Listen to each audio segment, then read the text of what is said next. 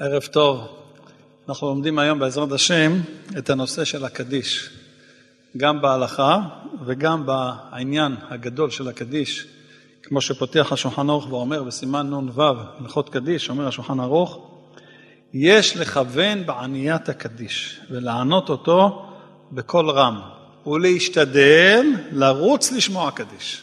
לרוץ, לא ללכת, להשתדל לרוץ לשמוע קדיש. יש בקדיש משהו מאוד מאוד מעולה. אומר הערוך השולחן, הקדיש הוא שבח גדול ונורא, שתיקנו אנשי כנסת הגדולה אחרי חורבן בית ראשון, והיא תפילה על חילול שמו יתברך מחורבן בית המקדש וחורבן ארץ הקודש ופיזור ישראל בארבע כנפות הארץ. אנשי כנסת הגדולה, חורבן בית ראשון, פיזור עם ישראל בגלות, תיקנו את הקדיש. למה? מה נוגע הקדיש?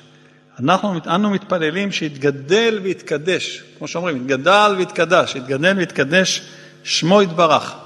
כמו שאמר יחזקאל, ספר יחזקאל, בסוף ספר יחזקאל, בפרק ל"ח, סוף פרק ל"ח, פרק ל"ח עוסק במלחמת גוג ומגוג. בסוף הפרק כתוב, והתגדלתי והתקדישתי ונודעתי לעיני גויים רבים וידעו כי אני השם. זאת אומרת, התכלית הסוף של כל הגלות, זה יהיה בסופו של דבר מלחמת גוג ומגוג, ואז יתגדל ויתקדש שמו של הקדוש ברוך הוא בעולם. ממילא אחרי החורבן באו אנשי הכנסת הגדולה וביקשו שתבוא הגאולה השלמה עד הסוף. תבוא הגאולה עם כל התכלית שלה, שזה שיתגדל ויתקדש שמו של הקדוש ברוך הוא בעולם. כי שם השם יתקדש על ידי זה שאנחנו עם ישראל מנצחים במלחמות וחזקים. זה מקדש את שם השם. איפה זה כתוב? ספר יהושע, פרק ז', כתוב, שם מדובר על ההפסד של יהושע ועם ישראל במלחמת העי. מלחמה ראשונה נגד יריחו, או התקדש שמו של עם ישראל, כמובן של הקדוש ברוך הוא. מלחמת העי היה נופלים, נופלים. אז מה אומר יהושע בתפילה לקדוש ברוך הוא? אומר בפרק ז', פסוק ט' בספר יהושע, וישמעו הכנעני וכל יושבי הארץ שהפסדנו, ונשא בו עלינו, והכריתו את שמנו מן הארץ. יבואו יילחמו איתנו ויהרגו אותנו, הם ישמעו שהפסדנו בעי, הם יבואו ויילחמו איתנו ויהרגו אותנו, את עם ישראל, חס ושלום. אומר יהושע בן נון, ומה תעשה לשמך הגדול? מי יקדש את שם השם בעולם? זו הייתה הבקשה. זאת אומרת שיתגדל ויתקדש שמו של הקדוש ברוך הוא בעולם, זה על ידי שיתגדל שמם של עם ישראל, כי אנחנו, עם ישראל, מגדלים ומקדשים את שמו של הקדוש ברוך הוא בעולם. ולכן גם יש עניין של קדיש יתום. כי אדם בחייו צריך לקדש שם שמיים, על ידי קיום המצוות, על ידי התנהגות ראויה, מידות טובות, לימוד התורה, כל הדברים הגדולים שיש לנו כיהודים. כשאדם הולך לעולמו, החלק שלו בקידוש שם שמיים פסק, הוא נפטר, סיים את תפקידו. אז ממילא הבן אומר עליו קדיש, יתגדל ויתקדש שמו של הקדוש ברוך הוא. נכון, אותו שאני אומר עליו קדיש נפטר, אבל שמו של הקדוש ברוך הוא שימשיך להתגדל ויתקדש. אז מילא זה מעלה את נשמתו של אותו נפטר. למה? כי אותו נפטר בעצם, קידוש שם שמיים שלו לא הפסיק. הבן שלו ממשיך לקדש שם שמיים בזכותו. אז נשמת הנפטר עולה מעלה מעלה, לא רק יוצאת מגיהנום, אלא גם עולה בגן העדן מעלה מעלה. לכן קדיש יתום אומרים גם בשבת. הרי רשעים לא נמצאים בגיהנום, שבת יש הפסקה. מפסיקים, יוצאים מגיהנום להפסקה. לכן מוצאי שבת מאריכים קצת כדי שהרשעים חוזרים לגיהנום. אז אם יש הפסקה בשבת, אז לא צריך להגיד קדיש בשבת. כי הרי אם זה רק להוציא את הנשמה מהגיהנום, אז לא צריך להגיד קדיש בשבת. אז למה אנחנו אומרים קדיש גם בשבת? התשובה, כי המעלה של הקדיש זה לא רק להוציא מגיהנום, אלא להעלות את נשמת הנפטר מעלה מעלה. לכן חשוב, חשוב להגיד קדיש וקדיש יתום. כמו שהשולחן ערוך אומר, להשתדל לרוץ לשמוע קדיש. איפה אנחנו מכירים דברים כאלה שהקדוש שולחן ערוך אומר לרוץ? לא הרבה מקומות זה נמצא. לרוץ, לרוץ לשמוע קדיש. אז קצת בענייני הקדיש. על פי הניגלה צריך להגיד שבע קדישים ביום, שנאמר שבע ביום היללתיך. להלל את שם השם, שבע פעמים. הארי הקדוש אמר שצריך להגיד 12 קדישים ביום. איך 12 קדישים? שש בתפילת שחרית, איפה בתפילת שחרית? אחד קודם הודו, הודו להשם קראו בשמו, אנחנו סיימנו את הקורבנות, אז היום אנחנו מדברים על הקדיש הזה שהוא לפני הודו להשם. השני אחרי השתבח, השלישי אחרי תפילת עמידה. לפני שמונה עשרה גם היה צריך לקדיש, להגיד קדיש, רק לא אומרים כי יש עניין לסמוך גאולה לתפילה. אז השלישי זה אחרי עמידה, הרביעי זה אחרי הוא בא לציון, החמישי זה אחרי שיר של יום, והשישי זה לפני עלינו לשבח. וזה הקדיש המובחר ביותר ליתומים. להגיד לעילוי נשמת, הקדיש שאחרי קבל השם לפני עלינו לשבח. הקדיש של אחרי עלינו לשבח, זה השש קדישים המעולים של תפילת שחרית. אנחנו צריכים עוד שש ביום. איך? שתיים במנחה. איפה שתיים במנחה? אחד קודם תפילת העמידה, בין האשראי לתפילת העמידה יש קדיש, ואחרי תפילת העמידה, קדיש אחרי העמידה, שזה קדיש תתקבל. ארבע בתפילת ערבית, אחד לפני ברכות קריאת שמע, והוא רחום, קדיש, ברכו, או זאת אומרת, קדיש והוא רחום ברכו, אחד זה לפני עמידה, אחד זה אחרי עמידה, ואחרון זה קודם עלינו לשבח. כך מנהג על פי הארי 12 קדישים ביום. שאר הקדישים שאומרים למשל בשחרית אחרי עלינו לשבח, זה לא חובה, לפי הארי. זה רוצים להגיד לזכות היתומים, אומרים קדיש. יש כאלה אומרים במנחה אחרי עלינו לשבח. יש כל מיני מנהגים, כבר נראה. בקדיש שקודם הודו, שאנחנו בעצם עכשיו בסדרת השעורים נמצאים שם, זה קדיש חשוב מאוד, לפי סדר עליית העולמות, ולכן אם אין מניין בקדיש, לפעמים מתאחרים קצת בית הכנסת, ואנשים מגיעים קצת מאוחר, אז אפשר להתחיל להמשיך הודו וברוך שאמר, מתי שמגיע המניין, אפשר להגיד את הקדיש, אפילו באמצע פסוקי דזמרה, אבל עד ויברך דוד. אחרי ויברך דוד לא אומרים את הקדיש. זה קדיש על ישראל אחרי הלימוד של הקורבנות, ברייתא דרבי ישמעאל. מה העניין שאומרים קדישים בתפילה? העניין של הקדיש בתפילה זה להעלות את העולמות, כמו שלמדנו כבר, כמו שמצוין בסידורים, כולם מכירים שהקורבנות זה עולם העשייה, פסוקי דה זמרה זה עולם יצירה, אה, ברכות קריאת שמע ובקריאת שמע זה עולם הבריאה, כנגד עולם הבריאה, ותפילת העמידה זה כנגד תפילת עולם האצילות. הביע, אצילות, בריאה, יצירה, עשייה. כשאנחנו מתפללים, אנחנו נקרא מעלים את העולמות. מה זה העלמת, העלאת העולמות? מה, מה פירוש הדבר הזה? אז הכל זה משל להנהגת השם. זה כמו שנחשוב שיש לבושים, העולמות זה לבושים להנהגת השם. יש הקדוש ברוך הוא כביכול, לא אותו עצמו, אלא הנהגת השם, אנחנו לא מדברים אף פעם על הקדוש ברוך הוא בעצמו, יש הנהגת השם, וההנהגה הזאת מלובשת בלבושים. עכשיו, בר... כמו שהלבוש מגלה מי האדם, לפי הבגד אתה יודע מי האדם, ככה לפי הלבושים כביכול שה... שהנהגת השם מלובשת, לפי זה אתה יודע איזה הנהגה הקדוש ברוך הוא הולך לעשות בעולם. מה הנביאים ראו כשהם ראו נבואה? מה הם ראו? הם ראו שכתוב, ככה זה כתוב, כמו שהיום במחשב כזה, כתוב, ויאמר השם, כן, לירמיה, הנה, לא, זה לא זה אומר. הם ראו מראות נבואיות, ראו סימנים מסוימים, לא ניכנס לפרטים, כי זה בין כל הנפקא מינה אצלנו, אבל הם ראו סימנים מסוימים, וככה הם היו צריכים להבין את הנבואה. אחד הדברים שהם ראו זה הלבושים של הקדוש ברוך הוא, העולמות. כביכול, את הלבושים של הנהגת השם. שוב, לא הקדוש ברוך הוא, אלא הנהגת השם. עכשיו, ברגע שהאדם הראשון חטא, הוא עשה פירוד בעולמות. הפריד, הרחיק כביכול את העולמות. על ידי התפילה אנחנו מקרבים את העולמות בחזרה. זה נקרא להעלות את העולמות. להעלות את עולם העשייה, הדרגה של עולם העשייה, להעלות את זה לעולם היצירה. מעולם היצירה לעולם הבריאה, מעולם הבריאה לעולם האצילות. זה כאילו כביכול לעלות בדרגות רוחניות. נכון שאנחנו עדיין פה בגשמיות, אבל הדרגה הרוחנית עולה. אני מקווה שהצלחתי להסביר איכשהו דברים שהם עמוקים וגם לי לא לגמרי מובנים. ואחר כך, סוף התפילה, אנחנו מורידים חזרת השפע מהעולמות. מאיפה בא לנו השפע?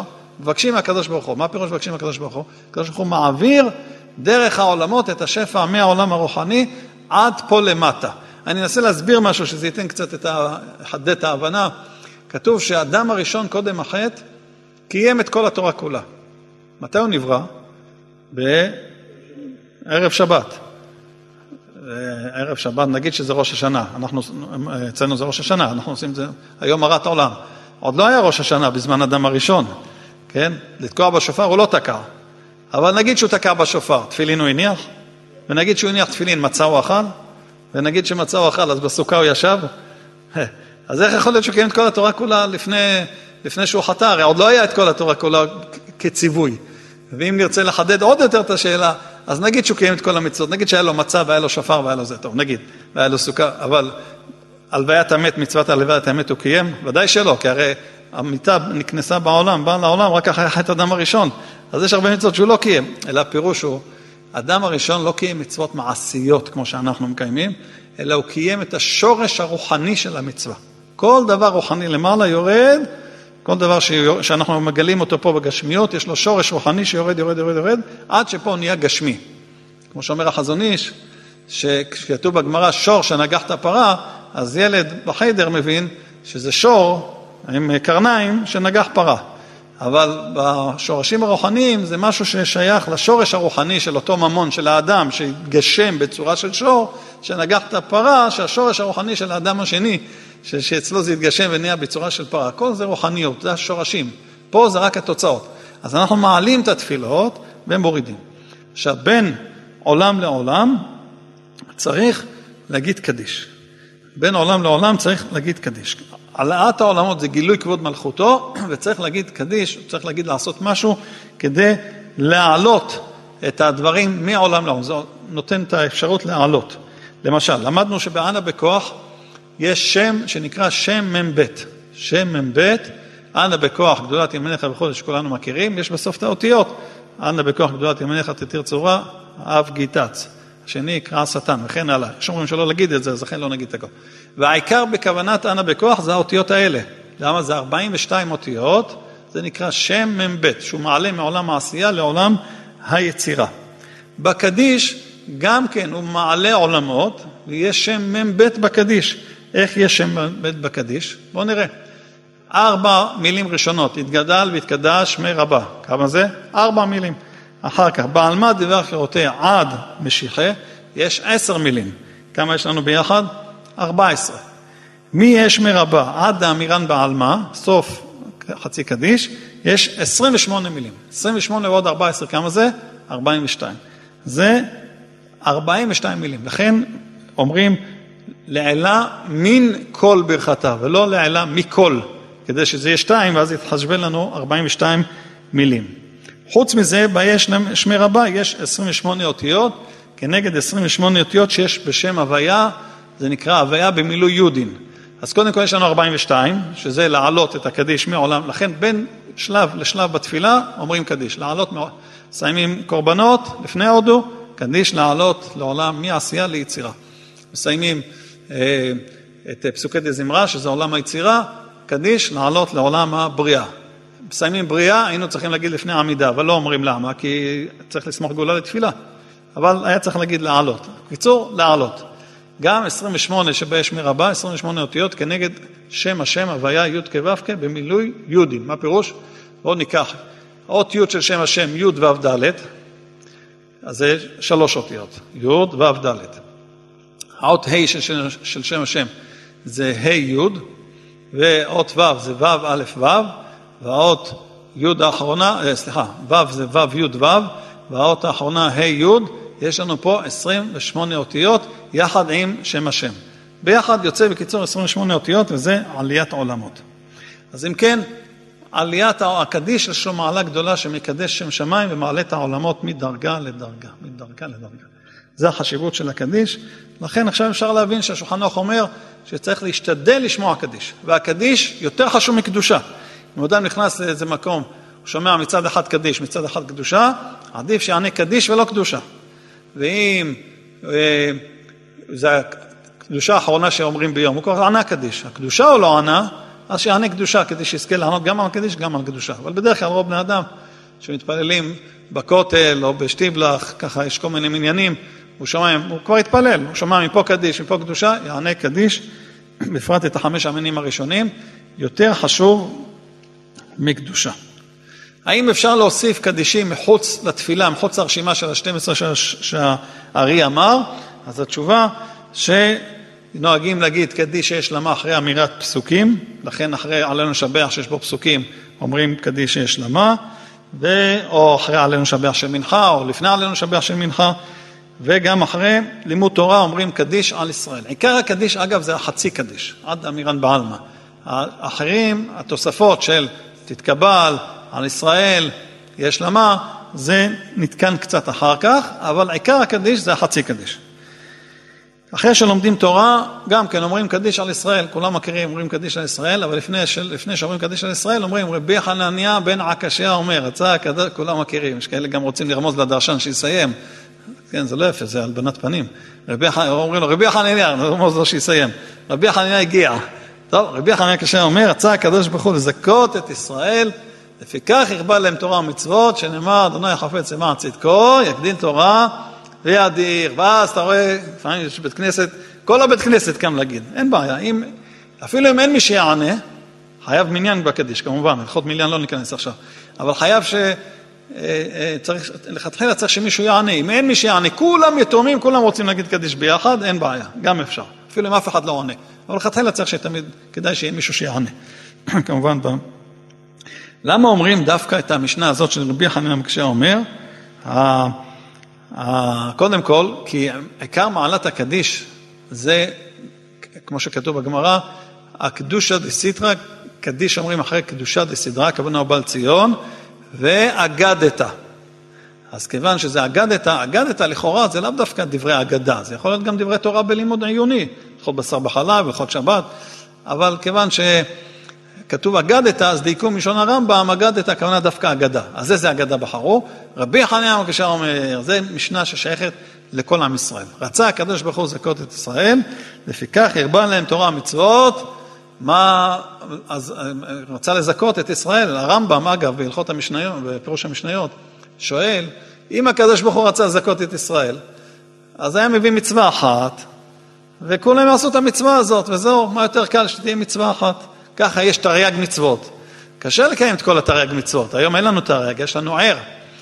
270 מצוות, ער. אני ישנה וליבי ער, כך אומר ספר החינוך בהקדמה.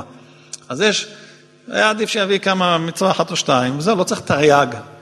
אומר הרמב"ם, רצה הקדוש ברוך הוא זכות ישראל. הוא רצה, כל יהודי יזכה לקיים איזושהי מצווה בשלמות, ממש מצווה בשלמות.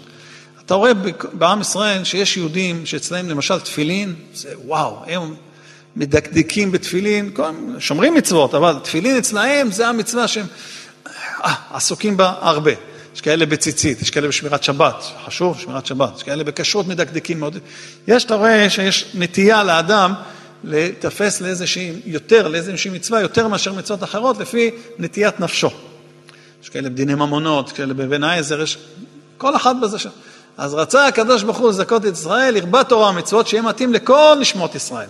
שכל נשמה בישראל תהיה לה איזושהי מצווה שיתקיים בשלמות לשם שמיים יותר משאר מצוות. תקיים את זה בדקדוק, ולא לשם כבוד, ולא שיצא לו מזה משהו, אלא בדקדוק רב, אך ורק לכבוד השם יתברך. לכן, זה הפירוש רצה, הקדוש ברוך הוא זכרת ישראל, כך בא לעם תורה מצוות. כך אומר הרמב"ם בפירוש המשניות. על כל פנים, אחרי שאומרים קדיש, אחרי שלומדים תורה, אומרים דברי אגדה, רוצים לסיים באגדה, רבי חניה התקבל בעם ישראל להגיד את. המשנה הזאת, ואחר כך קדיש. הקדיש אמרנו אחרי בא לציון, אש, אש, אשרי ובא לציון, ו, ואגדה. מאמר מקור בגמרא. הגמרא אומרת ככה, הגמרא מסכת סוטה אומרת ככה. אמר רבא, כל יום ויום מרובה קללתו משל חברו, שנאמר, בבוקר תאמר מי ייתן ערב, ובערב תאמר מי ייתן בוקר. בבוקר תאמר מי ייתן ערב, ובערב תאמר מי ייתן את הבוקר של היום הקודם. כי, כי התרבה הצרות בעם ישראל מתרבות. אז על מה העולם מתקיים? ככה העולם, כי כל יום מתרבים גם עבירות בעולם, אז העולם הולך ל... לא, לא, לא למקום טוב, הפוך. אז מה שומר על העולם? על מה העולם מתקיים? הקדושה דסידרא ויש מרבה דאגדתא. שאומרים קדושה דסידרא, בעל ציון, שיש שם סדר, מדבר על הגאולה, ועל ימין יש מרבה שאומרים אחרי אגדה. מאיפה יודעים את זה? כתוב פסוק באיוב, ארץ עפתה כמו אופל צלמוות ולא סדרים, והתופעה כמו אופל. לומדים מהפסוק הזה, כשיש בארץ חושך, הסיבה כי אין סדר. אבל אם יש סדר, אז יש אור. אז אמן יש מרבה אחרי אגדתא. סדר כאן הכוונה ליובל ציון, שיש סדר של התהליך של הגאולה. אבל גם בלימוד יש גם סדר. אדם שלומד תורה עם סדר, יש לו תוכנית, ללמוד מסכת, תוכנית ללמוד איזה נושא בהלכה, תוכנית ללמוד שניים מקרא ואחת תרגום כמו שצריך, ללמוד ש"ס משניות, יש לו סדר, לא סתם חוטף פה ושם. כאלה שהלימוד שלהם, כשהלימוד מסודר, וגם בתוך הלימוד עצמו, הוא מסודר בלימוד, מסודר לו מה למדתי, מה יצא לי מהיום הלימוד, כמו שהרמב"ן אומר, שקמת מהספר, תראה מה אתה יכול לקיים בעקבות מה שלמדת. יש לו סדר בלימוד, אז הסדר הזה, העולם מתקיים על זה. יש אנשים שהם לא זוכים לזה לסדר בלימוד, ברוך השם לומדים, אז הם פה בשיעור בנחלה הערבית, פה שומעים איזה דבר תורה, פה איזה, אבל זה לא דברים מסודרים. אדם שרוצה להתמלות בתורה בצורה מסודרת, שישמר לו בראש, הוא צריך כמו תיקיות, לעשות תיקיות בראש, מסודר לו. שלושה, פוסקים, אה, משניות, מקרא, כל מה שלומד. חסר לו פה, יודע, את זה צריך להספיק, זה צריך להספיק. ככה מתכנן את החיים שלו. בפרט לצעירים, דבר חשוב שיזכרו, שאתם עוד צעירים עדיין, עוד לא התרגלו למהלך של הבלבול, אז שייכנסו לסדר בלימוד, זה עוזר הרבה. סדר בלימוד. גם אדם צריך ליהנות ממה שהוא לומד, ליהנות, ליהנות מלימוד התורה. אין אדם לומד אלא מה שליבו חפץ, אה, וגם אין אדם לומד אלא במקום שליבו חפץ, כי אז הוא נמשך. זה כמו שכתוב בפסוק, ובתורתו, כי אם בתורת השם חפצו, ובתורתו יגיע יומה ולילה. הוא חפץ בתורת השם, ואז נהיה תורתו. יש לו את ההנאה שלו, את החלק שלו. טוב, על כל פנים, זה קדיש אחרי פסוקים ואחרי לימוד תורה. אבל לפעמים יש יתומים, באים בית הכנסת, אומרים עלינו לשבח, אחד אומר קדיש. עכשיו אחד היתום אחר לא הספיק להגיד קדיש, איזו סיבה, רוצה גם להגיד, אז הוא אומר, שיר למעלות זה, זה מזמור, קדיש. ואחר כך בא עוד אחד, לא עושים את זה. כתוב בכנסת הגדולה, כאשר טוב למעות, למעט בברכות, כך טוב למעט בקדישים, הפוסקים הביאו אותו. לא, כמו שברכות יש עניין של ברכה שאינה צריכה, גם קדישים יש עניין של לא להרבות בקדישים, כי אז מתחילים לזלזל בקדישים. אז מה צריך לעשות? צריך להגיד את הקדישים של סדר התפילה,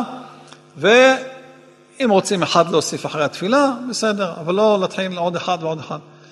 צריך להיות סדר, גם בעניין הזה צריך שיהיה סדר. לכן, למשל, אם לפני תפילת הערבית יש שיעור, בדמי נחלה הערבית יש שיעור, סוף השיעור אומרים קדיש על ישראל, אחר כך לא אומרים עוד פעם קדיש, השם צעקות עמנו וזה, לא אומרים עוד פעם קדיש. יבוא רחום ותפילת ערבית בלי קדיש נוסף. למה? לא להרבות בקדישים יותר מדי. זה לא כזה מצווה להגיד כל הזמן קדישים קדישים. כמו שברכות, אדם יש לו תפוז ותפוח. אז הוא אומר, מה אני אברך? שתי ברכות? לא, אסור, ברכה שאינה צריכה, ברכה לבטלה. היה צריך לברך, לצמצם. גם בקדישים, לא מעבר למה שצריך, לא להרבות בקדישים. ומכיוון ומעלת קדיש יתום היא מעלה גדולה, לכן, כמו שידוע המעשה עם רבי עקיבא, שמובא בחז"ל בכמה סגנונות, המעשה הזה, כמה מקומות, כמה סגנונות, שהבן אומר קדיש על אביו, וכוח זה, כשיש בית כנסת עם כמה יתומים, וכמה רוצים להגיד קדיש, מה עושים? האם זה טוב שכמה אומרים או לא טוב? יש עדות בישראל, המנהג המקורי היה שרק אחד אומר קדיש. רק אחד, לא אומרים כמה ביחד. גם אצל הספרדים פעם זה היה ככה. לא אומרים כמה. למה? זה מבלבל את הציבור. זה מתחיל בעלמא דבר חירותי וצמח פורקני, וקרא משיחי, ההוא לא סיים, ההוא לא התחיל. לפעמים אתה רואה את זה. אז לכן תקנו שרק אחד אומר קדיש ולא אומרים יותר מאחד ביחד. במשך הזמן התחיל להיות מצב שיש יתומים, תרבו היתומים, וזה רוצה להגיד, וזה רוצה להגיד, וזה נפגע, וזה נעלב, למה לי לא נתנו, למה לא, כן? אצל תימנים ואשכנזים, הליטאים, עד היום זה ככה, שאחד אומר קדיש, והגבאי מחלק, אתה תגיד קדיש אחד, אתה תגיד קדיש אחר. צריך לדעת שהמעלה לעילוי נשמת, לימוד תורה יותר חשוב מקדיש. כמה שקדיש חשוב, זה רק קדיש אחרי אגדתא, אבל האגדתא יותר חשובה מהקדיש. לימוד התורה יותר חשוב מהקדיש. אז מחלקים, לפעמים לא כולם זוכים, אז... אבל נכנס מנהג אצל הספרדים וגם אצל האשכנזים שנוהגים כנוסח ספרד, שכמה אומרים קדיש כדי לזכות את כל היתומים, אז צריך מאוד להשתדל שהם יגידו ביחד. הייתי באיזה בית כנסת, שתיקנו שם, שכל אלה שאומרים קדיש, עומדים אחד ליד השני. נגיד החזן אומר קדיש, כולם עומדים לידו, אומרים ביחד מילה במילה, לא זה משם, זה משם, זה לא שומע אותו איפה הוא נמצא, וזה, כולם ביחד. ו... וכולם צריכים להגיד בקול רם, לא בשקט, בקול רם. הבן איש חיים מביא, שהוא אליעזר אחריו ועוד, שלא להגיד בלחש. כולם אומרים, כולם בקול רם, כי צריך לשמוע את כולם. בן איש חיים מביא שבישיבת בית אל, ישיבת המקובלים, היה בזמנו, בזמן רבי ליומני, היו נוהגים שהיה אחד אומר את הקדיש עם הכוונות. אנחנו לא ניכנס לזה, יש כוונות או הו בקדיש. זה לוקח לאט ומכוונים. והיה בא אחד יתום לבית, לבית הכנסת שם, להתפלל שם בשירת בית אל, ורוצה להגיד קדיש, הוא לא יכול להגיד אה, בקצב שלו עם הכוונות, לא עם הכוונות מעריך ומכוון, ו... לא זה. אז מה עשו? זה יבלבל את כולם, מה עשו? אמרו לו, טוב, תגיד קדיש, אבל בלחש.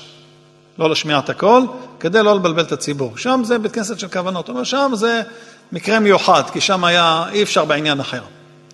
כן, מקום שקרה, אבל, אבל מקום אחר, להגיד כולם בקול רם, או לעמוד אחד ליד השני. יש אנשים באים לבית הכנסת לומר קדיש, זה כבר שייך לענייני אבלות, באבל, כל החיים לא התפלל, או רבע התפלל, בא לבית הכנסת, בקושי יודע לקרוא, עם טעויות וזה. מתחיל להגיד עם טעויות, זה נהיה, גם יכול לשבש, זה לא טוב. היום פשוט מאוד ילך לאיזה רב או לאיזה אברך או לאיזה בחור ישיבה, יישב איתו, ילמד אותו להגיד מילה במילה, ילמד אותו לקרוא נכון בסידור, זה מילים קצת בארמית, אמרנו נראה למה זה בארמית. ללמד אותו לקרוא נכון, גם היום אפשר להקליט, אפשר להקליט, הוא יכול לשמוע, זה יהיה כמו שלו כמו שיר. ידע להתקדש, ידע להגיד את זה טוב, אחרי הקלטה, לא, לא להתעצל. טוב, אז כן, קדיש מעלתו כל כך גדולה, שכמו שאסור לעבור לפני מי שמונה עשרה, ככה גם אסור לעבור לפני מי שאומר קדיש, לפחות בחצי קדיש הראשון, כמו לא לעבור לפניו. ומה עושים הציבור בשעת אמירת הקדיש? צריכים לעמוד ולשתוק ולהקשיב. אסור לדבר, כתוב שאסור אפילו להעיר בדברי תורה, וממילא מובן שגם לא לקפל את התפילין, ולא גם תפילין של רבנו תם.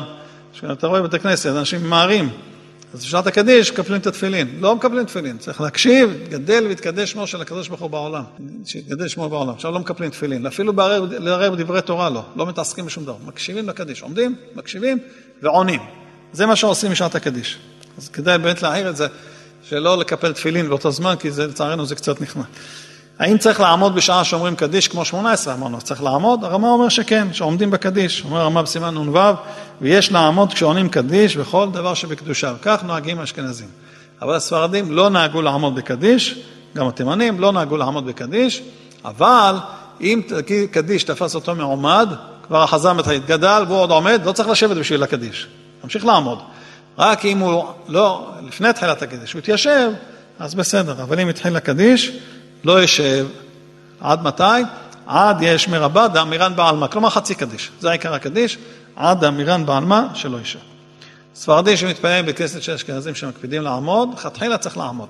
אבל אם יש כמה אנשים שבין כה עומדים, בין כה יושבים, זקן, חולה, אנשים שבין כה וכה יושבים, או שיש עוד כמה שיושבים, אז גם הוא יכול לשבת. אז אמרנו שקדיש הספרדים לא נוהגים לעמוד, חוץ מקדיש אחד. איזה קדיש? ערבית של ליל שבת. לפני ערבית של ליל שבת יש קדיש, לפי דעת כמה מקובלים, זה לא מהארי, זה כמה מקובלים שבאו אחר כך, אמרו שיש עניין לעמוד בקדיש של ערבית של ליל שבת כדי לקבל תוספת רוח. יש נפש, רוח, נשמה, אז יש מבחינת רוח, מבחינת השבת, קבל רוח מבחינת ליל שבת. טוב, יש עניין כזה. עניית אמן, לענות אמן, כבר אמרנו, לענות אמן על קדיש יותר חשוב מלענות על קדושה. מה העניין של עניית אמן? אומרת הגמרא בברכות. בשעה שישראל נכנסים לבתי כנסיות ובתי מדרשות ועונים יהא שמי רבה, מבורך, הקדוש ברוך הוא מנענע ראשו ואומר, הרי הקדיש על מה זה? על החורבן. הקדוש ברוך הוא אומר, אשרי המלך שמקלסים אותו בביתו כך. בית הכנסת, מקלסים אותו, כדי להתקדש שמו של הקדוש ברוך הוא. מה לו לאב שיגלה את בניו, ואוי להם לבנים שגלו מעל שולחן אביהם. הרי עניין הקדיש זה לקדש את שמו של הקדוש ברוך הוא, שיבוא אחרי מלחמת גוג ומגוג, אחרי מחיית זכר, עמלק, נראה עוד מעט את זה. אז קדש את שמו, בגלל החורבן, תוקן בגלל החורבן. אז הקדוש ברוך הוא אומר, היי, מה לא לאב שיגלה את בניו? תראו איזה שבח גדול למי שעונה אמן, בפרט אמן יש מרבה. בספר החלות כתוב, שעה שישראל נכנסים בבתי כנסיות ואומרים יש מרבה מבורך בקול רם, מבטלים גזרות קשות. אומרים? גזרות קשות, לפעמים עולם ישראל, לענות, יש מרבה, זה סגולה לבטל גזרות קשות. יש סגולות שבאות בדורות האחרונים, כל מיני סגולות שהתעוררו. יש סגולות שלא סגולות, זה דברים חשובים, זה יותר מסגולה. חז"ל אמרו את זה, זה הרבה יותר מסגולה. וצריך להקפיד על זה יותר מאשר כל מיני דברים ששומעים. גם בגמרא כתוב, אמר רבי ישער בן לוי, כל העונה אמן יש מרבה מבורך בכל כוחו, קוראים לו גזר דינו. הכוונה גזר דין לרעה של 70 שנה, אדם חי ימינו בהם 70 שנה ואם בגבורות 80 שנה, אז קוראים לו גזר דין לרעה לטובה. אם היה גזר דין רע, לטובה. שנאמר, בפרוע הפרעות בישראל, בהתנדב ראשי העם, ברכו השם. מה הכוונה? כשיש פרעות בישראל, תברכו את השם. הנה עכשיו אנחנו במצב שיש פרעות את המלחמה, ברכו השם, להקפיד יותר בברכות. כמובן שמירת שבת, שזה מציל מהכל, הבר... מקור הברכה זה השבת, ולהקפיד גם בברכות. לברך מה שצריך, ברכה ראשונה, וגם ברכה אחרונה לשים לב. הרבה אנשים מברכים ברכה ראשונה, ויש כאלה ששוכחים ברכה אחרונה. למה? כי לפני האוכל אתה שם לב, אחרי האוכל אתה כבר לא שם לב, ברכה אחרונה. רבי חייא בר אבא אמר רבי יוחנן, אפילו יש בו שמץ של עבודה זרה, מוחלים לו, שומעים? אדם קצת יש לו שמץ עבודה זרה, אומר אמן ישמר הבא, מוחלים לו, שנאמר, בפרוע פרעות, וכתוב כי פרעו, פרעות פרעות, הכוונה שזה פרע, זה הכוונה, רמז לעבודה זרה. בפרוע פרעות, ברכו השם, כשיש שמץ עבודה זרה, לברך את השם. זה מי שעונה אמן יש מרבה בכל כוחו. מה זה בכל כוחו? רש"י אומר בכל כוח כוונתו. כוונה שקט, אפילו אם עונה בשקט, אבל מכוון, יש מרבה, כבר נראה מה הכוונה של יש מרבה. כוח הכוונה. ותוספות אומר שהכוונה בכל כוח, כוח הגרון שלו, שהוא אומר בקול, אבל לא בקול יותר מהחזן, לא להגביה את הקול יותר, זה נשמע ליצנות, לא יותר מהחזן, כמו ברכות, שלא אה, מברכים, לא עונים אמן בקול גבוה יותר מהקול של החזן. אז זה כוח כוונתו. כן? כמובן צריך מניין לקדיש, שוב, אנחנו נדבר על זה בשור בפני עצמו, כשנגיע בעזרת השם בברוך שאמר, או יותר מאוחר. מה עונים? מה, מה, מה עונים כשאומרים את הקדיש? אז כמו שכולנו יודעים, עונים, יתגדל ויקדש שמי רבה, עונים מה? אמן. זה המנהג של כל עם ישראל. קריאות, גם צריך לכרוע בקדיש כמו ב-18. יתגדל ויקדש שמי רבה, קריאה, להתכופף. בדיוק כמו ב-18. לא להזיז את הראש קצת, אלא להפך, את כל הגוף להזיז. הגאון מווינה התנגד לקריאות בקדיש, כי לדעתו, הדעת הגר"א, הגאון מווינה היה גאון עולם, והמשנה ברורה בהרבה מקומות מביא אותו, ופה מעניין שהוא לא הביא אותו. מה הגאון אומר?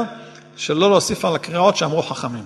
לכן אצל הגר"א הוא התנגד לקריאות בקדיש וברחו, ומשנה ברורה לא הביא אותו. לכן הספרדים ודאי, וגם חלק גדול מהאשכנזים נוהגים לכרוע בקדיש. יש אשכנזים שנוהגים כמנהג הגר"א, שלא לכרוע בקדיש, אבל אנחנו נוהגים לכרוע. אז התגדל וקדש מרבה, במילה התגדל, קריאה ראשונה. התגדל זה קריאה ראשונה, ואז אמן. בעלמא דברך כראותה, את המילים כבר נסביר, וימליך מלכותה, וימליך מלכותה זה משפט שני. משך הדורות נוסף, עוד משפט, ויצמח פורקנה ויקרא משחה. זה לא משפט במקור, אלא זה נוסף. משך הזמן נוסף במנהג הספרדים, ספרד, על פי הארי והמקובלים, המילים האלה, ויצמח פורקנה ויקרא משיחה. ואצל התימנים יש עוד מילה, ויפרוק עמה. אנחנו נסביר עוד מעט בעזרת השם את פירוש המילים. ואז עונים אמן. אצל התימני בלדי, מה שנקרא בלדי, של נוסח הרמב"ם, ונוסח האשכנזי, האשכנז, לא אומרים את המילים האלה, אלא בעלמא דבח כראותה, להמליך מלכותה, ומיד בחייכון וביום יחרון, ולא עונים אמן באמצע. זה כל דבר אחד. יתברך, ואומרים, זאת אומרת, חייכון יחרון וחי יכול בישראל, בעגלה בזמן קריב, ואמרו אמן. הקריאה הראשונה הייתה בהתגדל. הקריאה הבאה זה באמן, יש אומר רבה, רבה, קריאה, קריאה שנייה. לא, לא, יש רבה מבורך לעולם, אומר עולמיה, וכתוב בשולחן ערוך שלא להפסיק במילה עולמיה, אלא צריך להגיד יתברך. אומר השולחן ערוך, העונים עד לעולמי עולמיה בלבד טועים מהם, כי אסור להפסיק בין עלמיה להתברך. לא צריך להמשיך, להגיד עד יתברך. אצל התימנים, רוב התימנים נוהגים ביתברך לענות אמן, עוד אמן אחד, ביתברך. כבר אמן שלישי, והמינים האחרים נראה את החשבון. יש קצת מנהגי עדות בזה לגבי איך סופרים את החמש אמינים. אחר כך יש לנו את ה... התברך והשתבח והתפאר, שוב כבר נדבר על הביאור, תעלה את הלל שמי דקודשה, בריך, שמי דקודשה, בריחו, קודם כל בריחו קריאה, זה נקרא קריאה שלישית, ובריחו, אנחנו עונים אמן, אצל האשכנזים, שוב לא כולם, נוהגים להגיד בריחו, קום אמן, בריחו. לעילה מן כל ברכתה, שירתה, תשבחתה ונחמתה, דמרן בעלמא, ואמרו אמן, עוד פעם קריאה, זה קריאה רביעית. חמישית. ככה יש לנו חמש קריאות. איפה החמש עוד פעם? התגדל זה הראשון, ברבה זה השני, התברך, התברך זה השלישי, בבריחו זה הרביעי, ואמרו אמן של סוף החצי קדיש זה החמישי. חמש קריאות וגם יש פה חמש אמינים. אחרי התגדל והתקדש מרבה זה אחד, אמן ראשון, האמן השני ויצמח פה נקנא ויקרא משחי זה אמן שני. שוב, לא כולם נוהגים את זה, מנהג הספרדים זה כך. אה, בעגלה ובזמן קריב זה אמן שלישי, בבריחו זה אמן רביעי, ודמירן בעלמא ואמרו אמן זה אמן חמישי. חמש אמנים, חמש קריאות. זה המנהג הרווח אצל עדות המזרח. יש אצל קצת שינויים אצל עדות אחרות, אבל זה בדרך כלל מה שהולך. אז זה, זה הסדר של הקדיש, ואחר כך יש את התוספות. אם זה קדיש אחרי תפילה, 18, שזה אחרי שחרית, שנוהגים להגיד את זה אחרי הוא בא לציון, ומנחה אחרי חזרת השעץ, וערבית אחרי סיום תפילת אה, ערבית, אין חזרה בערבית, אז אומרים, מוסיפים לחצי קדיש, זה נקרא חצי קדיש, מוסיפים, תתקבל. יש אנשים שמים לב, חזן פתאום יש כאלה חזן שמתבלבל, יש למה, תתקבל, צריך להגיד תתקבל. תתקבל, תתקבל, שמה? שיתקבל לתפילות של עם ישראל ברצון. זו הבקשה שיש שם. ואם זה שאר הקדישים שבתפילה, או שזה אחרי פסוקים, שאר הקדישים אחרי פסוקים, זה תוספת יש למה רבה. ואם זה קדיש אחרי משנה או ברייתא או אגדתא, כמו הקדיש אחרי קבל השם, או הקדיש שלפני הודו, שזה אחרי הברייתא דרבי ישמעאל, וקבל השם זה פתאום הקטורת, הברייתא שם, אז קדיש על ישראל. לכן, אה, אם לומדים אחרי לימוד, זה קדיש על ישראל. זה פשוט ארבע סוגי, סוגי קדישים. חצי קדיש להפריד בין העולמות, כמו שמקומות שהם בסידור, קדיש יש, אה, תתקבל אחרי תפילת שמונה עשרה, קדיש אה, יש למה אחרי פסוקים, וקדיש על ישראל אחרי לימוד תורה. זה ארבע סוגי הקדישים. האם כשאומרים עושה שלום במרומיו צריך לפסוע, כמו שמונה עשרה, אז הרבה פוסקים אומרים שכן, צריך לפסוע בכל הקדישים, לא רק בקדיש תתקבל, כי הרי אסור לעבור מול המתפלל, אז גם כן צריך לפסוע. יש פוסקים שאומרים שרק בקדיש תתקבל צריך לפסוע, כי זה במקום שמונה עשרה. החזן, כשהוא מסיים שמונה עשרה, צריך להגיד קדיש תתקבל. אז הוא לא עושה פסיעות בסוף שמונה עשרה. הוא מסיים תפילת העמידה, הוא לא פוסע. שים שלום וקדיש. הוא לא אומר אלוקיי ניצור ועושה שלום. אז העושה שלום זה הולך על ה... של החזן, סיום התפילה שלו, ולכן הוא צריך לפסוע. אפילו שלמשל בתפילת שחרית הוא הלך הרבה. הוא סיים את תפילת אה, עמידה, את החזרה בלחש, והיה לחש וחזרה, ואחר כך אה, יש לו אה, תחנון והוצאת ספר תורה בשני וחמישי, ואחר כך שיר ש... סליחה, אשרי ובא לציון ולמנצח, כן, כל מה שאומרים. זה אמר בא לציון, זה כבר הרבה זמן אחרי 18, זה הפסיעות שהולך על 18. אז יש פוסקים שאומרים שרק בתתקבל צריך לעשות שלוש פסיעות אחורה, אבל רוב רובם של הפוסקים אומרים שבכל הקדשים שיש עושה שלום במרומיו, צריך לעשות פסיעות אחורה. זה עד כאן, זה פחות או יותר הלכות הקדיש. עכשיו אנחנו נעבור קצת לנושא של לשון הקדיש, להסביר קצת את המילים וכמה דברים שיש בקדיש. אומר השיבולי הלקט, יש בקדיש עשרה לשונות של שבח, שבח לקדוש ברוך הוא, עשר לשונות, ואלו הם, התגדל והתקדש, התברך והשתבח והתפאר, או בלי, בלי ו', תלוי נוסחים, התרומם, התנשא, התעלה, התהדר, התהלל, עשר לשונות של שבח לקדוש ברוך הוא בקדיש. עוד פעם, התגדל והתקדש, זה בהתחלה, התברך, שאומרים אחרי האמן יש מרבה, התברך והשתבח והתפאר והתרומם והתנשא והתעלה והתהדר והתעלל, יש שם שמונה, ביחד שמונה ועוד שתיים התגדל והתקדש, זה עשר. למה עשר? כנגד עשר, עשרה מאמרות. איפה אנחנו מוצאים עשר? עשרה מאמרות שנברא העולם.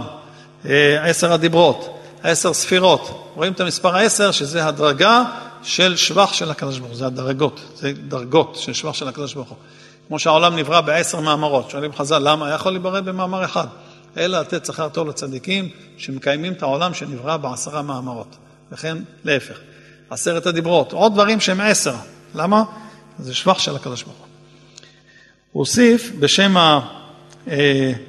אה, אחיו, השיבולי לקט מוסיף בשם אחיו, שיש עשר שבחים כנגד עשר לבושים של הקדוש ברוך הוא. זה כוונה עשר הספירות, עשר לבושים, שעתיד, והוא מביא פסוקים לזה, שעתיד, כבר נראה שעתיד הקדוש ברוך הוא ללבוש אותם ולהיפרע מעשרה אומות שהשתעבדו בישראל. שוב נזכור שהקדיש הוא אחרי החורבן, אז לגדל את שמו של הקדוש ברוך הוא.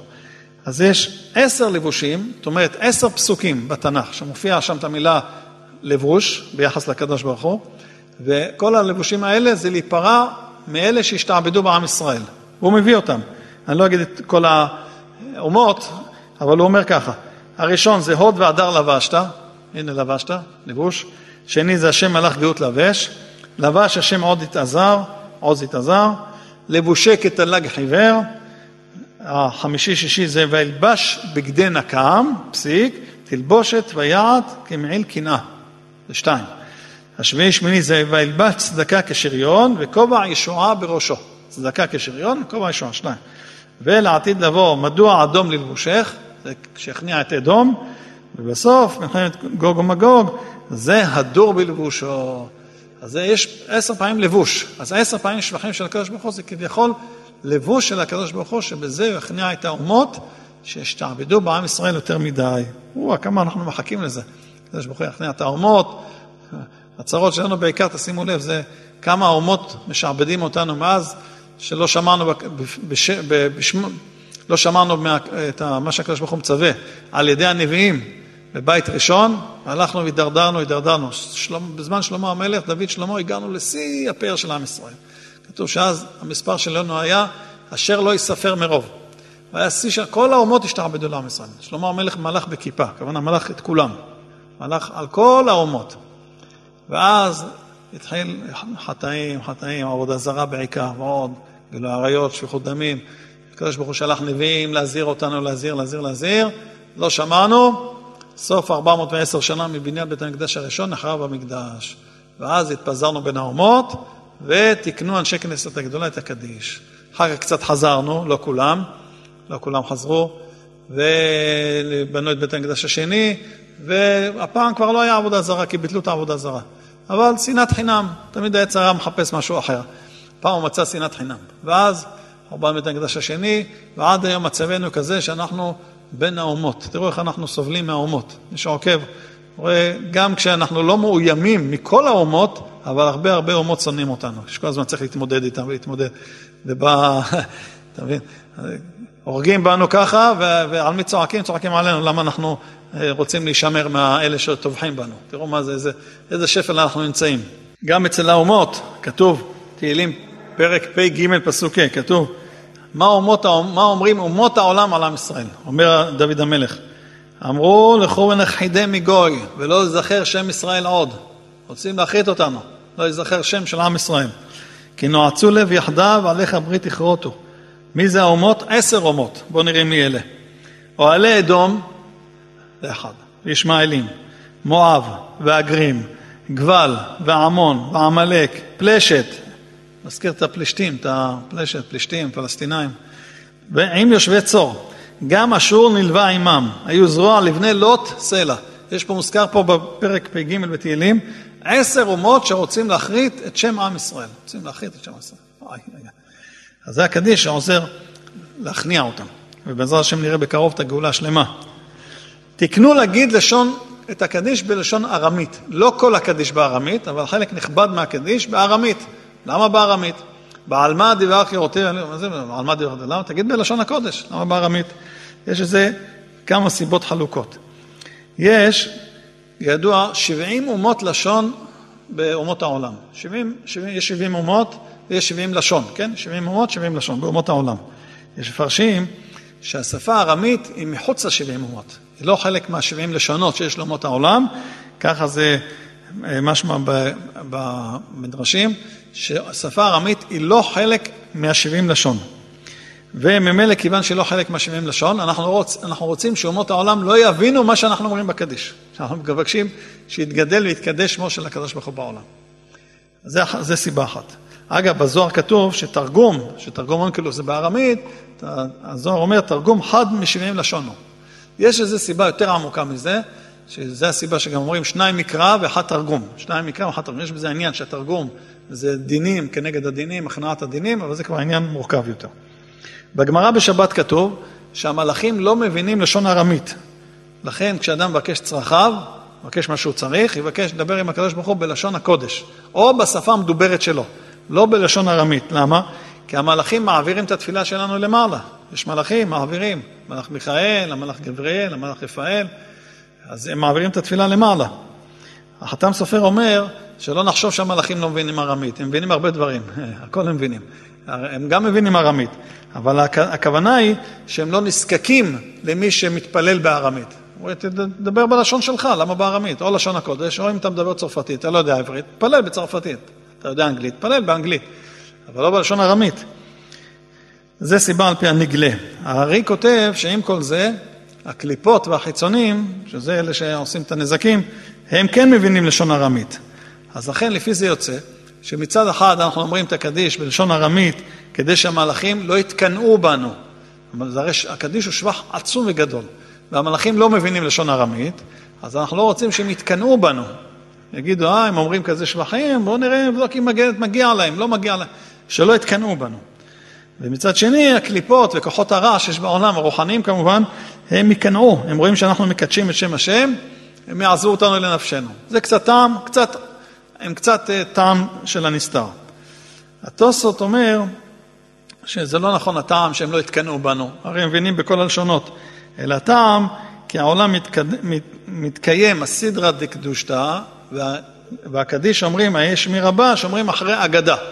עכשיו, פעם בזמנם היו עמי ארצות, באים לשיעור, לא יודעים לדבר שפות אחרות, אז בזמנם דיברו ארמית. אז אם תגיד את הקדיש בלשון הקודש, הם לא יבינו מה שאומרים. הם למדו בארמית וגם אמרו קדיש בארמית, זה הסיבה.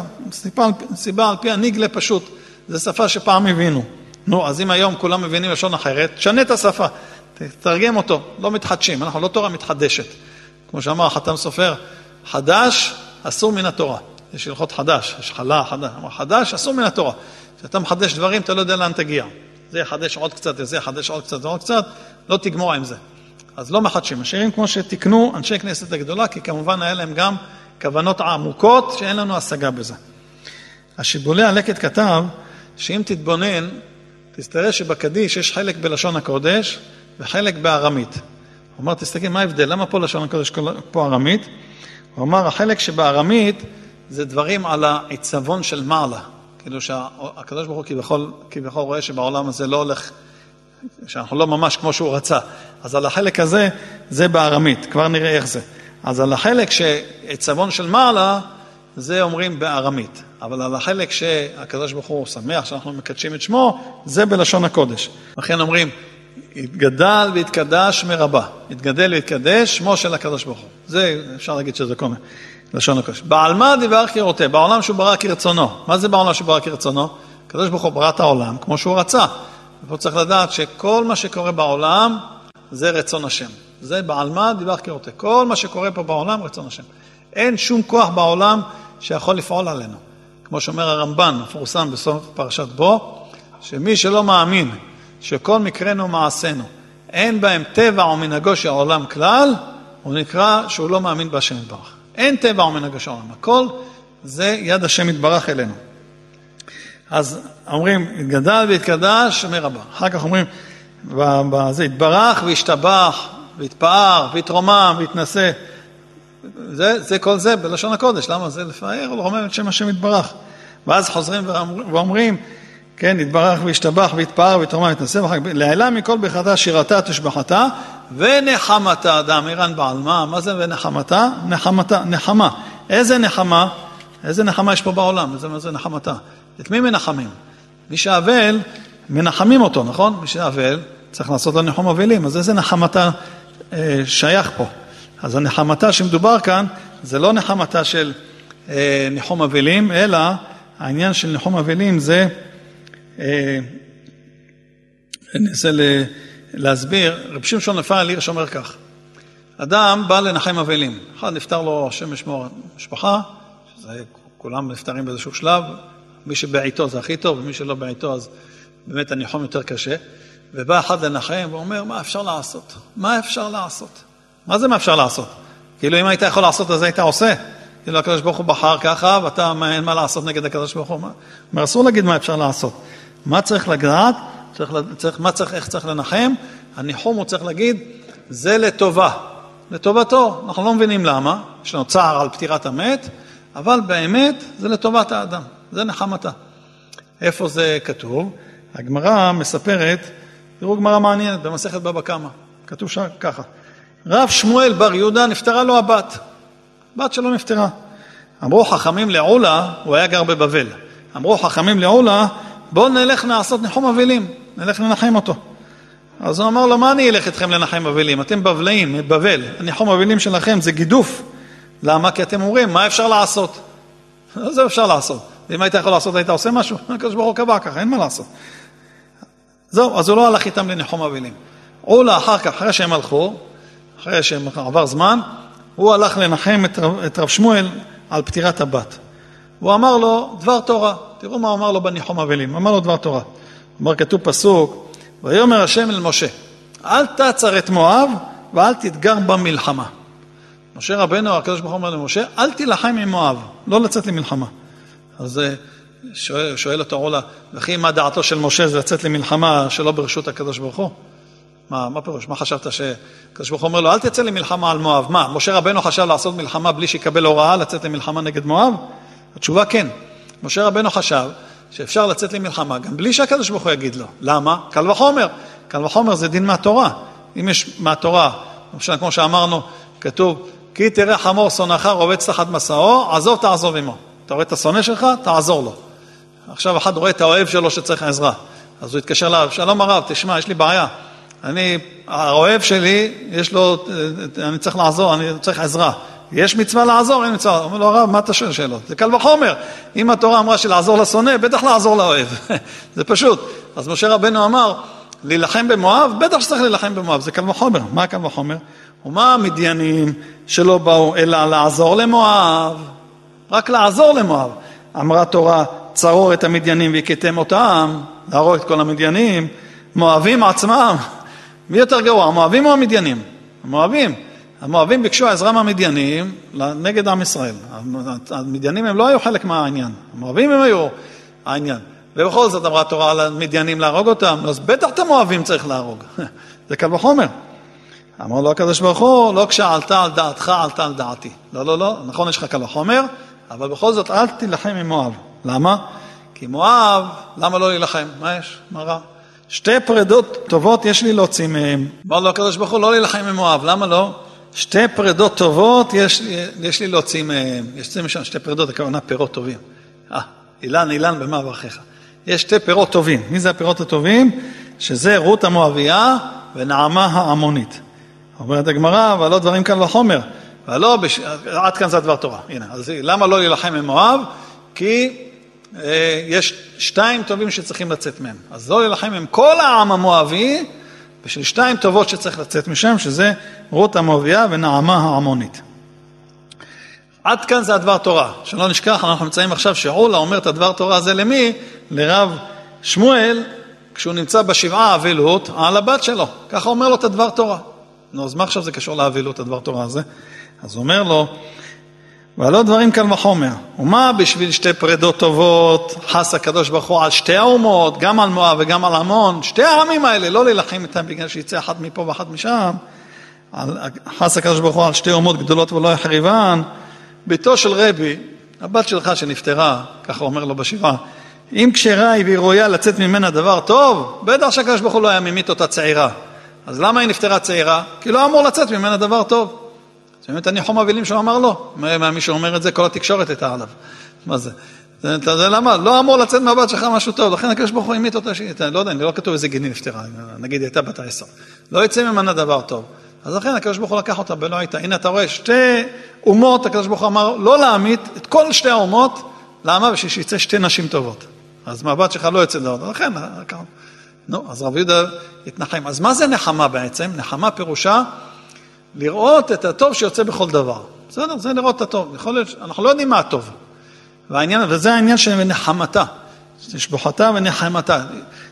אומרים בקדיש, לעילה מכל ברכת, הקדוש ברוך הוא למעלה מכל הברכות, מכל השירות והתשבחות, ונחמתה, והנחמה. איזה נחמה? הכוונה שאנחנו מאמינים שכל מה שקורה לנו וזה נראה לנו לא טוב, הקדוש ברוך הוא עושה אותו לטובה.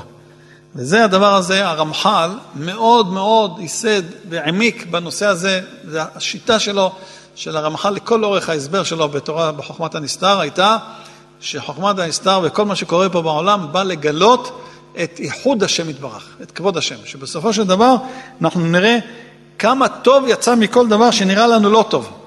הנה האסון שקרה, שואה, מלחמות, הרוגים, זה דבר שאנחנו בעיניים שלנו רואים את זה כדבר חמור מאוד, אבל בהסתכלות של אלוקים יש לו תוכנית שבסוף הוא יוציא, יהפוך את זה לטובה. וכמובן צריך להיזהר מאוד כי אנחנו לא בדרגה להבין את זה, אנחנו רק יודעים שזה כתוב, אבל צריך להשתדל לראות את הטוב שיצא מכל דבר, עם כל הקושי, ובהחלט זה קשה. כמו שכתוב, הרמח"ל אומר בספר קנאת השם, הוא אומר ככה, והודיעך בזה סודות גדולים, כי זאתי הנחמה האמיתית. בהיראות האמת, שהגלות, שומעים? כל הגלות, לא היה חיסרון. כל הגלות, לא חיסרון. אלא אדרבה, פעולה נסתרת ועשויה במערב אל הקליפות עצמם. מילים קדושות של הרמח"ל, שכל הגלות היא הייתה מערב, היא להכניע את הקליפות. אנחנו לא יכולים לדעת. למשל, צדיקים, צדיק נפטר, לפעמים בעיתו, לפעמים שלא בעיתו. אנחנו לא יודעים את החשבון, אין שום מכפר על הדור, אולי צריך לבוא איזה אסון גדול בדור. הוא נבחר לכפר על הדור. לכן, עוד הרבה דברים שאנחנו לא מבינים. ככה הקדוש ברוך הוא עשה ורצה כדי לקדש את שמו בעולם ולהביא את העולם לתכלית שלו. לכן תראו, צדיקים, גם במקרים קשים, הם בדרך כלל שמחים. שמחים, יש להם שמחה. למה? כי הם עובדים על זה שגם הקשה אמונה. הרב אלישיב ידוע שהייתה לו בת, הייתה לו בת שנפטרה, נהרגה, הרב אלישיב, זכר צדיק לברכה, בת שלו נהרגה בהפצצות בשנת תש"ח, הירדנים, הפציצו את, ה, את, ה, את היהודים, והוא היה גר באיפה שהוא גר עד פטירתו, באזור מאה שערים שם, הפציצו, ובת שלו נהרגה. כל החיים הוא לא הזכיר את זה. לא בגלל שלא אכפת לו מהבת שלו, חס ושלום. הפוך, בגלל שהוא ידע, הקדוש ברוך הוא עושה, יש בזה טובה. הוא ידע את הגמרא הזאת, נחמה, קיבל נחמה. יש משהו טוב בתהליך הזה לעם ישראל. נכון שזה קשה, וכן הלאה, צדיקים לא נשברו. תראו בחיים של צדיקים, הרבה דברים שלצדיקים קרו דברים לא טובים, תראו רובם ככולם לא נשברו מאסונות שקרו להם. קרו אסונות, בן, בת, משפחה, דברים נוראים, לא נשברו. כמו שאומר התומר דבורה, הם חיפשו איך להוציא את ה... למצוא ברע, למצוא את המשהו הטוב שיצא מזה. מה יצא מזה טוב? זה נקרא מיתוק הדינים. כשאדם מתרגל לחיות ככה, אז הקדוש ברוך הוא מראה לו, מראה לו דברים טובים שהוא מוציא, שהוא עושה, שהוא עושה. אם אדם אבל חושב הפוך, חושב שהקדוש ברוך הוא עושה לו רע, ולא מאמין, ובורח מהאמונה, מפסיד. כתוב גם פרשת שבוע, ויהי בשלח פרעה את העם, ולא נחם אלוהים דרך ארץ פלישתים, כי קרוב הוא. כי אמר אלוהים, פן ינחם העם בראותה מלחמה, ושבו מצרימה. בואו נהיה קצת ניכנס לתמונה. עם ישראל משועבד, שעבוד פרך במצרים. בא משה רבנו אומר, אני הולך להוציא אתכם ממצרים, פקוד פקדתי, והשם הולך להוציא, וזה. דם, צפרדע, כנים, איזה ניסים ונפלאות. יוצאים ממצרים, עכשיו, לפני קריאת ים סוף צריכים לעבור, ניסים ונפלאות, צריכים לעבור דרך ארץ פלישתים. אומר הקדוש ברוך הוא, לא, אני לא מעביר אותם דרך פלישתים, למה? אולי העם יראה מלחמה, פלישתים יצאו עם הנשק שלהם, לא יודע, אולי גם אז היה מנהרות וכל ה-PG וכל הדברים שיש להם, הפלישתים יצאו עם כל מה שיש להם, העם ירצה לחזור למצר... למצרים. למה שירצה? הקדוש ברוך הוא עושה לך ניסים נפלאות, מה הבעיה? תמשיך לפלישתים, הקדוש ברוך הוא ירדים אותם, יהרוג אותם, יש הרבה פתרונות לקדוש ברוך הוא, חסר לו איך להציל. כמו שהציל אותם עם פרעה, הציל אותם מהפלישתים. אומר רש"י, אולי העם יחשוב מחשבות, יחשוב מחשבות, לשוב למצרים. מה בא רש"י להגיד יחשוב מחשבות? זה בדיוק מה שהוא בא להגיד. זה אמרו לעם ישראל, באמת אתם יוצאים ממצרים, יש עשרת המכות, יהיה לכם ניסים נפלאות, הם האמינו. אבל פלישתים, לא אמרו להם שהם יצליחו במלחמה נגד הפלישתים, אף אחד לא אמר, רבנו לא אמר, הקדוש ברוך הוא לא אמר. אז אולי כאלה יחשבו, אולי הקדוש ברוך הוא לא יציל אותנו, יחשבו מה, אולי נפסיד, אולי יקרה לנו משהו, יהיה מחשבות. מה קורה למי שלא בוטח בהשם ויש לו מחשבות שליליות? מה קורה? אז כתוב, פחד פחדתי ויתני, ואשר יגורתי בא לי. אתה מפחד? יבוא עליך. הנה, אתם רואים? זה, זה היה הפחד. הקדוש ברוך הוא חשש שכיוון שהוא לא הבטיח להם שיציל מהפלישתים, אז הם יחשבו שאולי הקדוש ברוך הוא לא יציל אותם, ואז באמת הוא לא יציל. תן שכר טוב למי? לכל הבוטחים בשמך באמת. מי שבוטח בהשם, הקדוש ברוך הוא מראה לו ישועות. זה מיתוק הדינים. לא תמיד, לפעמים גם לא, אבל בדרך כלל מראה לו ישועות, מראה לו איך הוא מצליח, מראה לו סייעתא דשמיא, מראה לו איך הדברים מסתדרים, ואפילו אם קורה לו משהו לא טוב, אחר כך הוא רואה כמה טוב יצא מהלא טוב. כל אחד יכול למצוא בחיים שלו, כמה אחרי כמה זמן הוא מגלה כמה דברים טובים יצאו ממה שהיה נראה לו לא טוב, לפעמים זה בא אחרי 20-30 שנה גם כן, ואז הוא מגלה שזה בעצם היה לטובתו. אז זה מיתוק הדין. אבל אם אדם חושב, אוי, שקרה לי, מה, אוי, אבוי לי, וזה וזה, אז הוא נשבר, חושב מחשבות, פחד פחדתי והאטני, ואשר יגורתי בא לי. הקדוש ברוך הוא אמר לירמיה, אל תירא מפניהם, פן החיתך לפניהם. תזהר ירמיה, אומר הקדוש ברוך הוא לירמיה, אתה הולך להתנבאות לעם שיהיה חורבן ירושלים, אל תירא, אל תפחד, כי אם אתה תירא, החיתך לפניהם, אתה תיפול לפניהם, אל תירא. כוח, בעוצמה, זה הכוח של עם ישראל. יש לנו צרות, הרוגים, אסונות, זה, מתרוממים, מאמינים בהשם שזה לטובה וממשיכים. ממשיכים הלאה, עד שהקדוש ברוך הוא יראה לנו את הגאולה השלמה, איך הוא נפרע מהגויים על כל מה שעשו לנו, ויראה לנו התגדל והתקדש מרבה. זה העניין של הקדיש. לכן, זה מה שאומרים. נעלם מכל ברכת, למעלה מכל הברכות, השירות, התושבחות והנחמות. כמה שתגיד שזה לטובה, אתה עוד לא יודע כמה זה לטובה. אתה עוד לא מבין כמה זה לטובה. גם אנחנו לא מבינים. לכן בעולם הזה כתוב, אדם יש לו משהו טוב, מברך, הטוב האמיתי. אדם יש לו משהו רע, מה מברך? ברוך דיין האמת.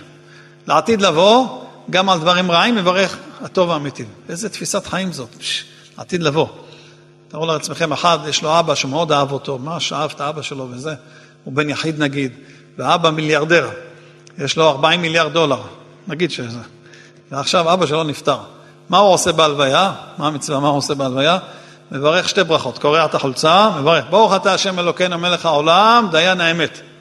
וברוך אתה השם אלוקינו מלך העולם, שהחיינו וקיימנו והגיענו לזמן הזה. למה? כי הוא קיבל ירושה 40 מיליארד דולר.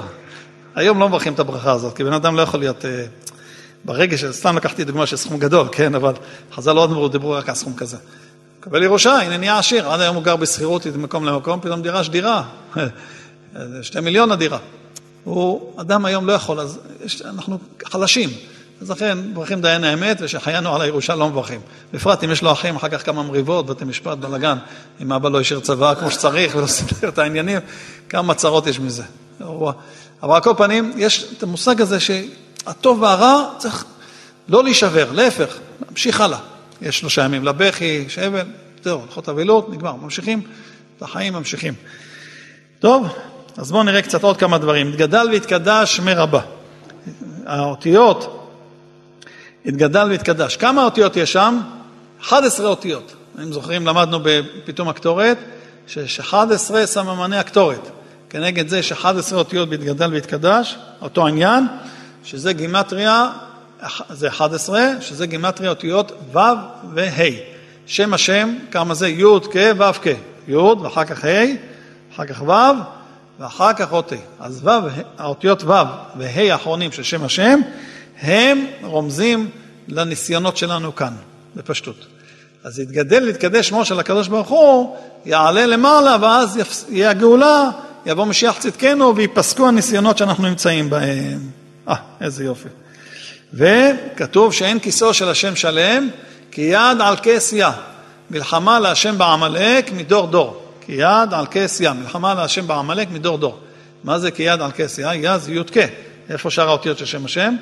אז אומרים חז"ל, אין כיסאו של הקדוש ברוך הוא שלם, עד שימחה שמו של עמלק. עמלק נתן כוח לכל האומות העולם להילחם איתנו. למשל, עמלק, אומרים חז"ל, לאחד שנכנס לאמבטיה רותחת, אמבטיה רותחת, כולם פחדו להיכנס. וואו, מים חמים, מקבל קביעה. אחד נכנס לתוך המים, נהיה מה? צינן את המים. באו כולם, אמרו, עכשיו אפשר להיכנס לאמבטיה. זה משל. עמלק, כולם פחדו מעם ישראל אחרי קריעת ים סוף, פחדו, פחדו, פחדו. תיפול עליהם אימתה ופחד. תיפול עליהם, ממש פחד פחדים האלו אומות העולם. בא עמלק ויחנו ברפדים וילחם, ויבוא עמלק וילחם בישראל. בא עמלק נלחם, צינן את האמבטיה הרותחת. עכשיו באו עמות נלחמו איתנו. ולמה נלחמו איתנו? ויחנו ברפידים. מה זה רפידים? רפו ידיהם מן התורה. התרפאנו מהתורה. התרפאנו מהתורה. אגב, יתרו בא חיזק את התורה בישראל. יתרו היה חותן משה, שמע את ניצחון של מלחמת עמלק, קריעת ים סוף מלחמת עמלק, בא לחותנו, משה. בא, מה הוא חשב שהוא יהיה שם? חותן משה, בסדר, כבדו אותו, אין בעיה, אבל זהו. לא יהיו לו תפקידים או משהו בעם ישראל. הוא גוי. היה עובד עבודה זרה. בא יתרו, ראה את משה דן את העם מהבוקר עד הערב. כולם שואלים, מה היה במדבר סיני לדון מהבוקר עד הערב? תגידו, מה היה שם? היה שם, לא היה שם בנייה, לא היה חנות מכולת, לא היה השכרת רכב, לא היה זה. מה היה שם שכל כך רבו מהבוקר עד הערב, אה? אז טוב, אז משה דן מהבוקר עד הערב. אמר לו, יתרו, יגדיל תורה ויאדיר, מה צריך לעשות? בא יתרו, תעשה שרי אלפים, שרי עשרות, שרי זה. הגדיל תורה בישראל, תעשה הרבה רבנים, הרבה תלמידי חכמים, הרבה זה. ואתה, את הדבר הגדול אתה תשפוט, והם ישפטו את הדבר הקטן, ואם יש להם קושיות, יעלו אליך. זה בעצם היה מושג של לשכת הגזית בבית המקדש. היו כל העיר היה את התלמידי החכמים, את הבית דין של העיר וכולי, והיה לשכת הגזית בבית המקדש, היו מוצאים את ההוראות הגדולות לכל עם ישראל. מה זכה יתרו בזכות זה? מבני בניו של יתרו ישבו בלשכת הגזית. שומעים? יתרו היה גוי, עובד עבודה זרה. מה הוא היה? גוי עובד עבודה זרה. זכה שמבני בניו ישבו בלשכת הגזית. למה? כי הוא הגדיל תורה בישראל. מבין? יש אחד מתחזק, חוזר בתשובה, או לא, אפילו דתי מהבית, או חרדי מהבית, לא משנה. אומר, מה יצא ממני? אני לא יצא ממני רב, לא יצא ממני כלום. לא צריך לצאת רב ולא כלום. אתה תחזק תורה בישראל. תחזק. או שאתה יכול ללמד, או שאתה יכול לתמוך בלומדים, תעשה משהו לחיזוק התורה בישראל, ובני בניך ישבו בלשכת הגזית בעזרת השם. אם יתרו ישבו, גם אצלך ישבו. אתה לא פחות מהם. ככה הקדוש ברוך הוא מגלגל את העניינים. אגב, יש אומרים גם שמבני בניו של יתרו היו כהנים. כי מבני בניו התחתנו עם משפחת הכהנים לאט לאט והתערבבו. בני יונדב בן רחב היו כהנים. למה? הם מבני בניו של יתרו. כי הוא חיזק את עניין התורה בישראל. זה זכות. אז נחזור. התגדל והתקדש שמו של הקדוש ברוך הוא, שמה? וגדל שנכניע את, ה, את, את עמלק, מלחמת עמלק, על ידי ש, שבעזרת השם בקרוב, הקדוש ברוך הוא יראה לנו את, נמחה את שם עמלק, יתגדל שמו של הקדוש ברוך הוא מ-11, שזה ו' וה', לכל שם השם י' כו', כשם השם מלא, כי יד על כסיה. ומה זה העניין של כיסא? כיסא זה הכוונה השראת שכינה, זה, זה כבוד המלכות, כיסא זה כבוד המלכות. כמו שכתוב, כתוב, אין הכיסא שלם ואין השם שלם עד שתהא מלחמה על שם בעמלק. כיסא זה המלכות, כמו שכתוב, רק הכיסא גדל ממכה. זאת אומרת, כיסא זה המלכות. אז כיסאו, הכוונה, מלכות השם בעולם, תהיה שלמה כשימחה זכר עמלק. לא יישאר את כל אלה שמדברים נגדנו ו... אה, לנו וכו' וכל מה שהם עושים. מי השורש של כולם? עמלק. אז יהיה שמו של הקדוש ברוך הוא שלם, המלכות תהיה שלמה. אז לכן אומרים, בעל מה דבר קירותי? בעולם שברא כרצונו, וימליך מלכותי, תתגלה המלכות שלו, ומתי זה יקרה? הוא יקרב משיחי, יקרב את המשיח בעיתה חשנה. המשיח יכול לבוא בזמן, יכול לבוא גם קודם הזמן. ויש תימנים, התימנים עושים לפרוק עמה, מה זה הכוונה שיגאל את עם ישראל, ואת המשיח והגאולה, זה, מתי זה יבוא? מתפללים על כל הקהל בחייכון וביום איכון ובחיי דחור בית ישראל. מה זה בחייכון? חייהם של כל אלה הנמצאים כאן, אז מה זה ביום איכון? חיי, אמרנו חייכון, מה זה יום איכון? יום איכון הכוונה, כל הנשמות, הנשמות של. שנמצאים פה, ומסתובבים פה הרבה שמות, הרבה נשמות, נשמות, יש על זה, אפשר להעריך על זה, זה לא הזמן עכשיו, מסתובבים נשמות בכל מקום, ובחיי כל ישראל, כל עם ישראל, הגופים והנשמות של כל עם ישראל שבכל מקום, שיזכו בעזרת השם לראות בביאת המשיח, שהקדוש ברוך הוא מוחה את זכר עמלק, ובא המשיח והגאולה השלמה. מתי זה יקרה? בעזרת השם מתפללים. מתי? בעגלה או בזמן קריב? מה זה בעגלה? במהרה, ובזמן קריב בקרוב. במהרה, בזמן, בזמן הקרוב. ואז עונים, הציבור מה עונים? אמן. כשאומרים אמן, לא אומרים יש מרבה ביחד. לא אומרים אמן יש מרבה. אמן, פסיק. יש מרבה. יש מרבה זה שבח בפני עצמו. מה פירוש היש מרבה מברך לעולם ולעולמי עולמיה יתברך? מה פירוש התפילה הזאת? יש בזה מחלוקת. תוספות במסכת ברכות בדף ג' מביא שמחזור ויטרי, ספר מחזור ויטרי, מיוחס לרש"י, ששם כתוב שיהא שמי רבה, הכוונה יהיה שמי גדול. יש שמו של הקדוש ברוך הוא רבה, רבה זה גדול. יש שמו, פסיק, גדול.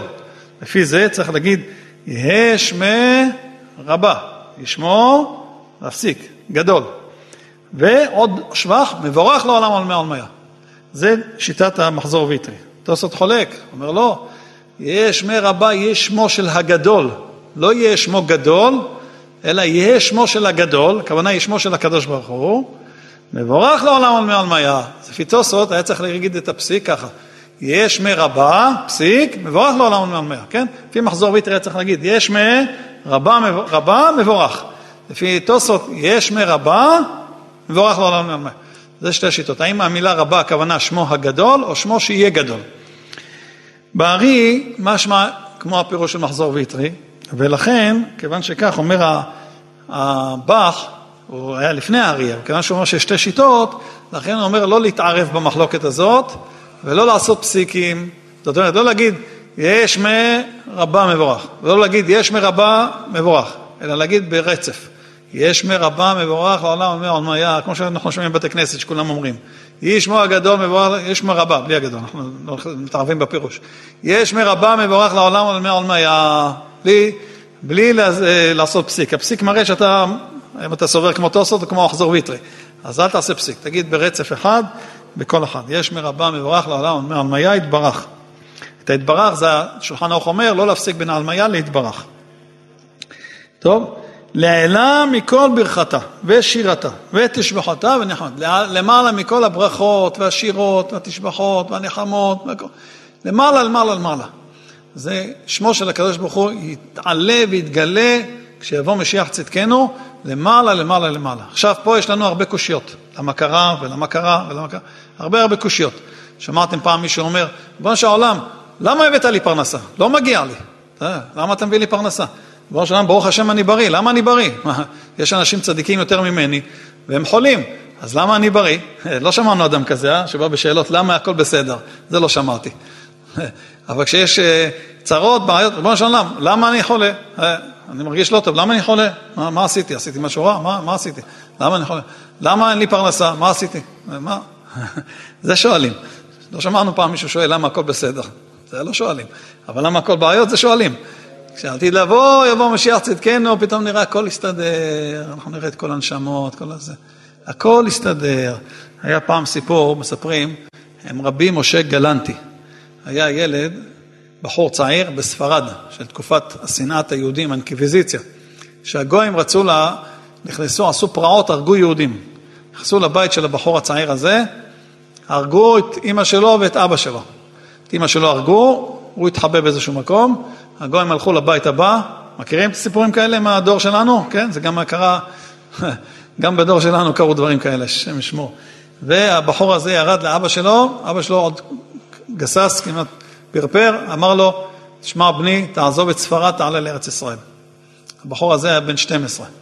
יצא מספרד, בא לארץ ישראל, עכשיו זה לא כמו היום, מספרד של אז, זה לא כרטיס טיסה, נוסעים. זה שנתיים בדרך, לעבור מעיר לעיר, לקבץ נדבות, להשיג משהו לאכול.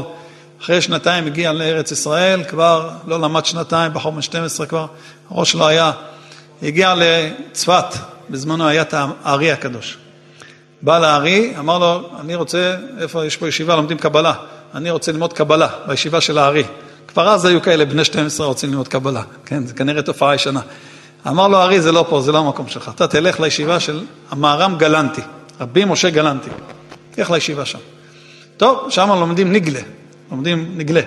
הלך לישיבה של המהר"ם גלנטי, טוב, רצה לשבת עם הבחורים, לשבת ללמוד, הוא מסכן, מה שעבר, ההורים שלו נהרגו, אנשי מקום דמם.